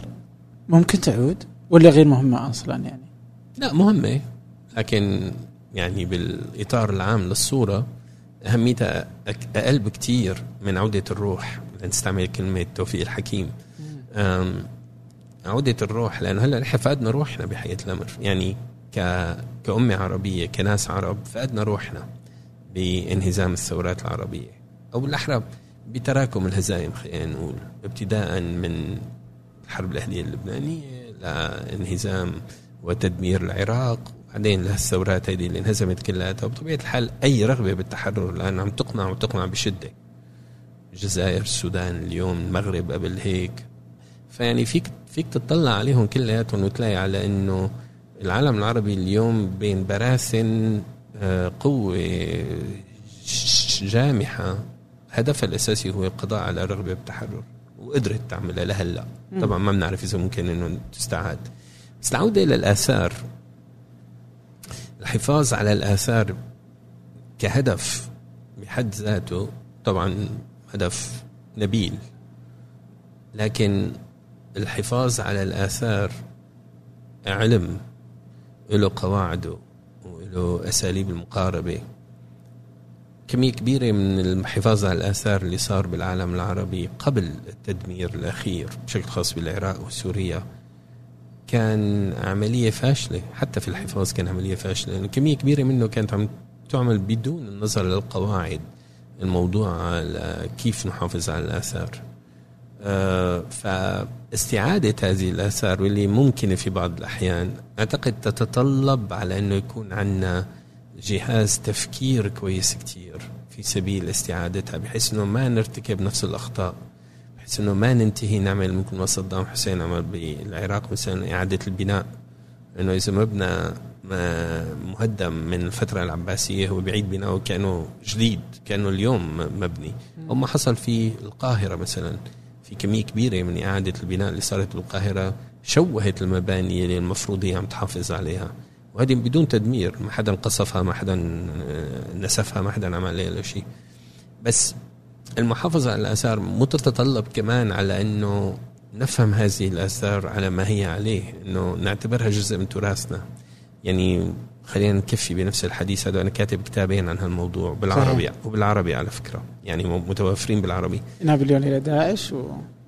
لا عندي واحد عن المدن الميتة في سوريا. المدن. هذا ظهر مجددا في في آآ آه، آآ آه، جامعة حمد بن خليفة دار النشر تبع جامعة حمد بن خليفة. فهو متوفر الآن.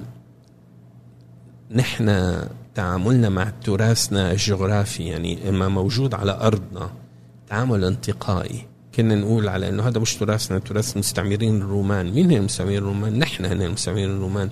المبنى الروماني الموجود في سوريا هو مبنى سوري. هو المفروض يكون جزء من تراثي المفروض نحافظ عليه. نحن كان في عنا سياسة انتقائية بين ما يحافظ عليه لأنه بيأكد هويتنا العربية وما يهمل لأنه ما بيأكد هويتنا العربية. هيدي كلمة الهوية حارجع لك لهالكلمة هيدي هي كلمة قتلتنا. يعني العالم مش كتير مهتم بالهوية. العالم مهتم بالنهضة. العالم مهتم بالرفاه. العالم مهتم بالراحة. العالم مهتم بالإنتاج. الفرنسي مش مهتم كتير بالهوية الفرنسية بقدر ما هو مهتم بالرفاهية الفرنسية بقدر ما هو مهتم بالنهضة الصناعية ولا التكنولوجية الفرنسية. نحن بس بدنا الهوية. طيب آه كيف سيؤثر آه، فقدان التراث الثقافي الموجود على مستقبل سوريا مثلا العراق؟ قصدك التراث العمراني ولا التراث؟ لأنه كله. يعني خلينا مثلا نرجع كمان لعملية التراث. مين أحيا التراث العربي يلي كان مجهول؟ مين؟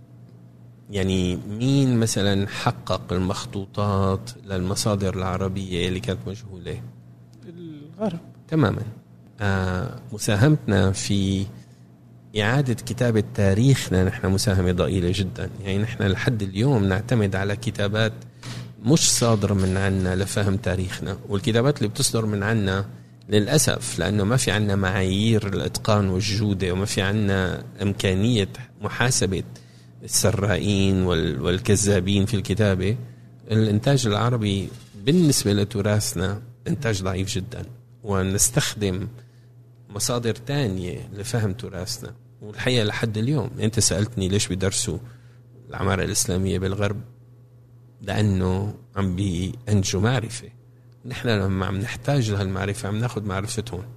معرفتهم مش بالضرورة تكون معرفة محايدة وين ملزمين يكونوا محايدين. فنحن أحيانا كتير عم ناخذ معرفة غير محايدة. ونقتبسها لإلنا. ونغلط باقتباسنا لأنه عم ننسى على أنه هيدي مش بالضرورة تمثلنا. طيب آه، في تدمير الثقافة آه، التراث الثقافي عفوا. آه، كيف ربط بين نابليون وداعش؟ آه في الكتاب. آه عارف على إنه نابليون أول ما اجى على مصر آه بنى جدر تحصينات في غرب القاهرة. وأزال حوالي عشرة من الجوامع المملوكية التاريخية بالموضوع. وأعاد استخدام حجارتها. بالنسبة له كانت تراث غير مهم. على الرغم من أنه هو بحد ذاته هو كمان ساهم أو الجيش تبعيته ساهم في إعادة إحياء تراث مصر عن طريق محاولة اكتشافه. يعني هو اشتغل على الطرفين. لكن التدمير يلي سببه نابليون في آه في احتلاله لمصر آه مش تماما مثل التدمير اللي كانت عم تعمله داعش في سوريا والعراق. التدمير اللي عم تعمله داعش في سوريا والعراق ايديولوجيته على السطح.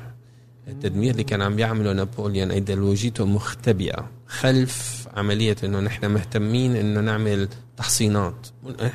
بس لأنه هذا الجامع موجود على طريق التحصينات حنشيله للجامع. آه بس نابليون كمان سرق كمية هائلة من التراث المصري واعادها إلى فرنسا معه وهذه السرقه لحد اليوم لسه آه الغرب يرفض الاعتراف بانه هذه سرقه إنه ما كان في حدا يمنعه بهذاك الوقت ما كان في قوانين تمنعه.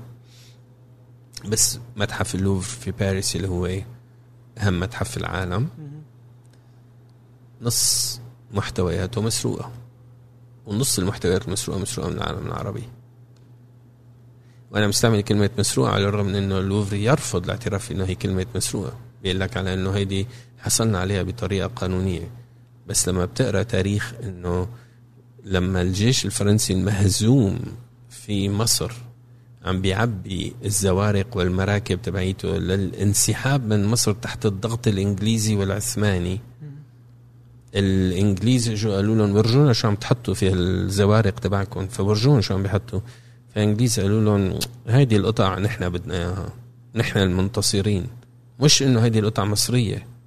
أخذوها. والنموذج الأشهر منها إذا بتروح على المتحف الإنجليزي اليوم المتحف البريطاني اليوم في شغلة اسمها حجر رشيد ما بعرف إذا سمعان فيه اللي هو الحجر يلي استخدم لفك طلاسم اللغة الهيروغليفية. هو حجر مكتوب عليه نص بثلاث لغات مكتوب بالهيروغليفي وبالديموطيقي يلي هي اللغة المصرية المصرية يعني الأساسية اللي اللي كانت تكتب بالهيروغليفي. بس تكتب بالحروف اليونانية لأنه مصر صارت يونانية بالقرن الثالث قبل الميلاد و باليوناني مكتوب النص بثلاث لغات بالديموطيقي والهيروغليفي واليوناني وبالتالي شامبوليون تمكن في النتيجة من فك اللغة الهيروغليفية وصرنا قادرين على قراءة النصوص المصرية القديمة. هذا الحجر أهم مصدر بالنسبة لمعرفة اللغة القديمة. أخذه مستعمر من مستعمر تاني. وبالتالي أصبح ملك البريطانيين. على الرغم أنه بالأساس حجر وجد في رشيد في مصر. يعني بمعنى تاني هو حجر مصري. ف... ولا هم وغير معترفين ب ولن يعترفوا به آه هذا هو ال... هذا هو اللي بيجمع ما بين نابليون و... وداعش داعش. تدمير تبعيتها تدمير اهوج واعمى نابليون تدمير تبعيته منظم. لكن أحيانا يبقى اهوج واعمى ويبقى اهوج واعمى لأنه عم بيكون تدمير لثقافات غير ذات أهمية بالنسبة له بالتالي أهمها هي الثقافة الإسلامية. الثقافة الإسلامية ما لها قيمه بالنسبة له. طيب في ظل الحروب والمعاناة والمآسي أه بستشهد مرة ثانية بسلطان القاسمي يعني. فكان يقول أه أنه في هذه الأوقات يتم إنتاج أفضل أنواع الفنون يعني. تتفق مع الفكرة؟ لا. ولا؟ لا يعني الإنتاج الثقافي الإنتاج الثقافي المزدهر هو الإنتاج الثقافي الأقوى. تحتاج يعني رفاه يعني علشان تحتاج ازدهار تحتاج إنك تكون آه، متوازن اقتصاديا واجتماعيا وسياسيا تحتاج استقرار تحتاج ثبات تحتاج جو ومناخ للثقافة لكي تنمو وتترعرع. الثقافة كمان نبتة ضعيفة كتير كتير لما بتعرضها لحروب وتدمير آه، الحقيقة تعاني وتعاني بشدة. الإنتاج الثقافي اللي اللي ممكن إنه الحرب هي تنتجه هو الإنتاج الثقافي اللي يدين الحرب أو يسجل الحرب. بس بحقيقة الأمر مش هذا هو الإنتاج الثقافي لازم نكون نحن نهتم فيه. الإنتاج الثقافي هو إنتاج مثل الدبابة بيمشي خطوة خطوة. يعني الإنتاج الثقافي هو إنتاج تراكمي. أنا بكتب كتاب أنت بتكتب ثاني بعد مني كتاب تنتقد كتابي وبتحسن المعلومات فيه و لحتى نقدر نعمل هالشيء لازم يكون في مؤسسة أنا وأنت ننتمي إلها لازم هالمؤسسة تكون عم تأمن عيش كريم. لازم لازم شغلنا يكون في له مجال لأنه يطلع عليه ولأنه ينقد لأنه ناس يكتبوا عنه. هذه الأشياء الحرب لا تؤمنها. فلا أنا لا لا أوافق على هذا الكلام. طيب لما نشوف الفنون الثانية تلقى إنه مثلا بعض الفنون آه، مثلا الرسم ولا آه، الكتابة الرواية المدري شلون زي كذا يعني هذه الأشياء تتأثر بالحروب فتصبح كذا فيها نوع من المأساة نعم. سوداوية. هل ينطبق على العمارة برضو؟ لو المتأثرين بنفس الحقيقة لا الحقيقة مو بالضرورة لا. يعني لأن اولا لأنه العمارة بفترة الحرب حقيقة العمارة واقفة مش موجودة. ف ف إعادة الأعمار بعد الحرب بالضرورة تبقى متفائلة. وبالتالي لازم تكون معاكسة للحرب. يعني لازم تكون العماره عم تحاول تيجي لتنفي آثار الحرب مش لت... مش ل لاستعاده هذه الآثار. في حين إنه الفن ممكن على إنه يكون يعني نستعمل يكون ثيرابيوتيك إنك عم تحاول إنك تفرجي مآسي الحرب بحيث إنك تحاول تتلافاها أو تنفيها أو تخرجها منها منك لأنه هي عم عم تسبب لك بأزمات نفسية. تتعالج يعني. آه بس العمارة ما بظن. العمارة الحقيقة العمارة مثل الثقافة بشكل عام اللي أنا عم بحكي عنها بحاجة ل بحاجة لإستقرار وثبات وازدهار بحاجة لمؤسسات بحاجة ل آه، لهيكل من صناع القرار قادرين على إنه يمسكوا مشروع من بدايته إلى نهايته. ثبات ثبات واستقرار و... و... وازدهار. وأضيف لهم كلمة حقيقة كثير قريبة لقلبي والعالم العربي يعاني من انعدامها. حرية. طيب. آه عن عن الحرية. خلينا ناخذ موضوع كذا فيه شوية من آه من الاشواك يعني إيش الفرق بين الموقف السياسي والموقف الأخلاقي من الثورة السورية؟ الموقف السياسي من الأشخاص دائما متأثر بالأيديولوجية اللي بينتموا إلى الأشخاص وبالتالي الموقف السياسي دائما موقف غير محايد يعني من اي من أي قضية يعني من الصعب جدا أنك تقول على إنه أنا شخص اشتراكي ورح أيد بيل جيتس. يعني ما بيمشوا. فالموقف السياسي من الثورة السورية بالنسبة للأفراد متأثر جدا بالأيديولوجية اللي بينتمي إلى الفرد. فالفرد الإسلامي له موقف والفرد القومي له موقف والفرد الشيوعي له موقف والفرد الليبرالي له موقف والفرد الجنساني له موقف وما شابه ذلك. كل واحد له موقف. والموقف مش محايد لأنه متأثر بالاتجاه السياسي للشخص. الموقف الأخلاقي هو الموقف اللي بيحاول يقول عنه في ناحية إنسانية مشتركة يلي هي التوق إلى الحرية. وبالتالي من الصعب أن يكون موقفك من الثورة السورية سلبي لأنه الثورة السورية بدت كصرخة في سبيل الحرية.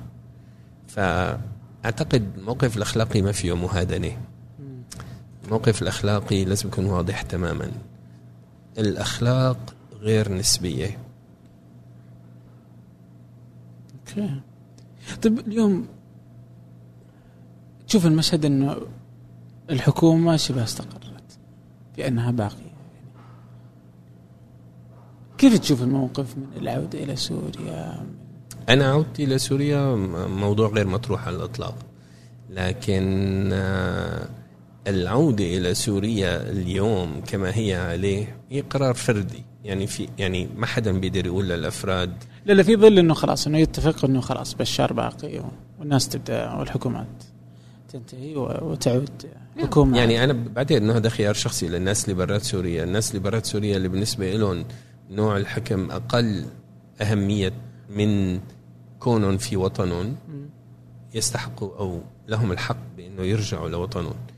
الناس اللي بيلاقوا على إنه الاضطهاد السياسي غير مقبول وبدهم يضلوا برات الوطن لأنه ما بدهم يتعرضوا لاضطهاد سياسي كمان هذا من حقهم.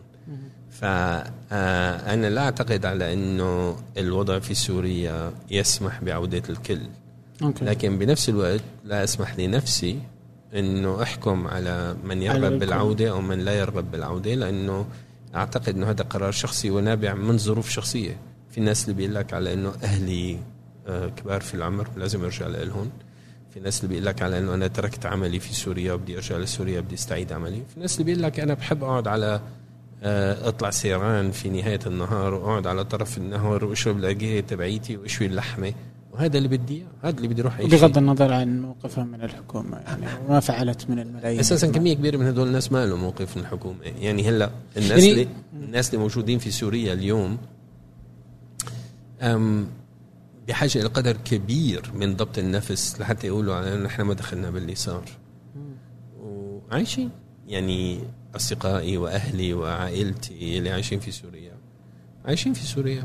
يعني عايشين في سوريا بالطريقة اللي عاشوا فيها قبل ما تصير الثوره الطريقة اللي عايش فيها إنه في حدود لتعاملك السياسي مع المحيط. في حدود لقبولك أو عدم قبولك مما يحصل حولك. في أشياء ما بتحكي فيها. في أشياء ما لك علاقة فيها.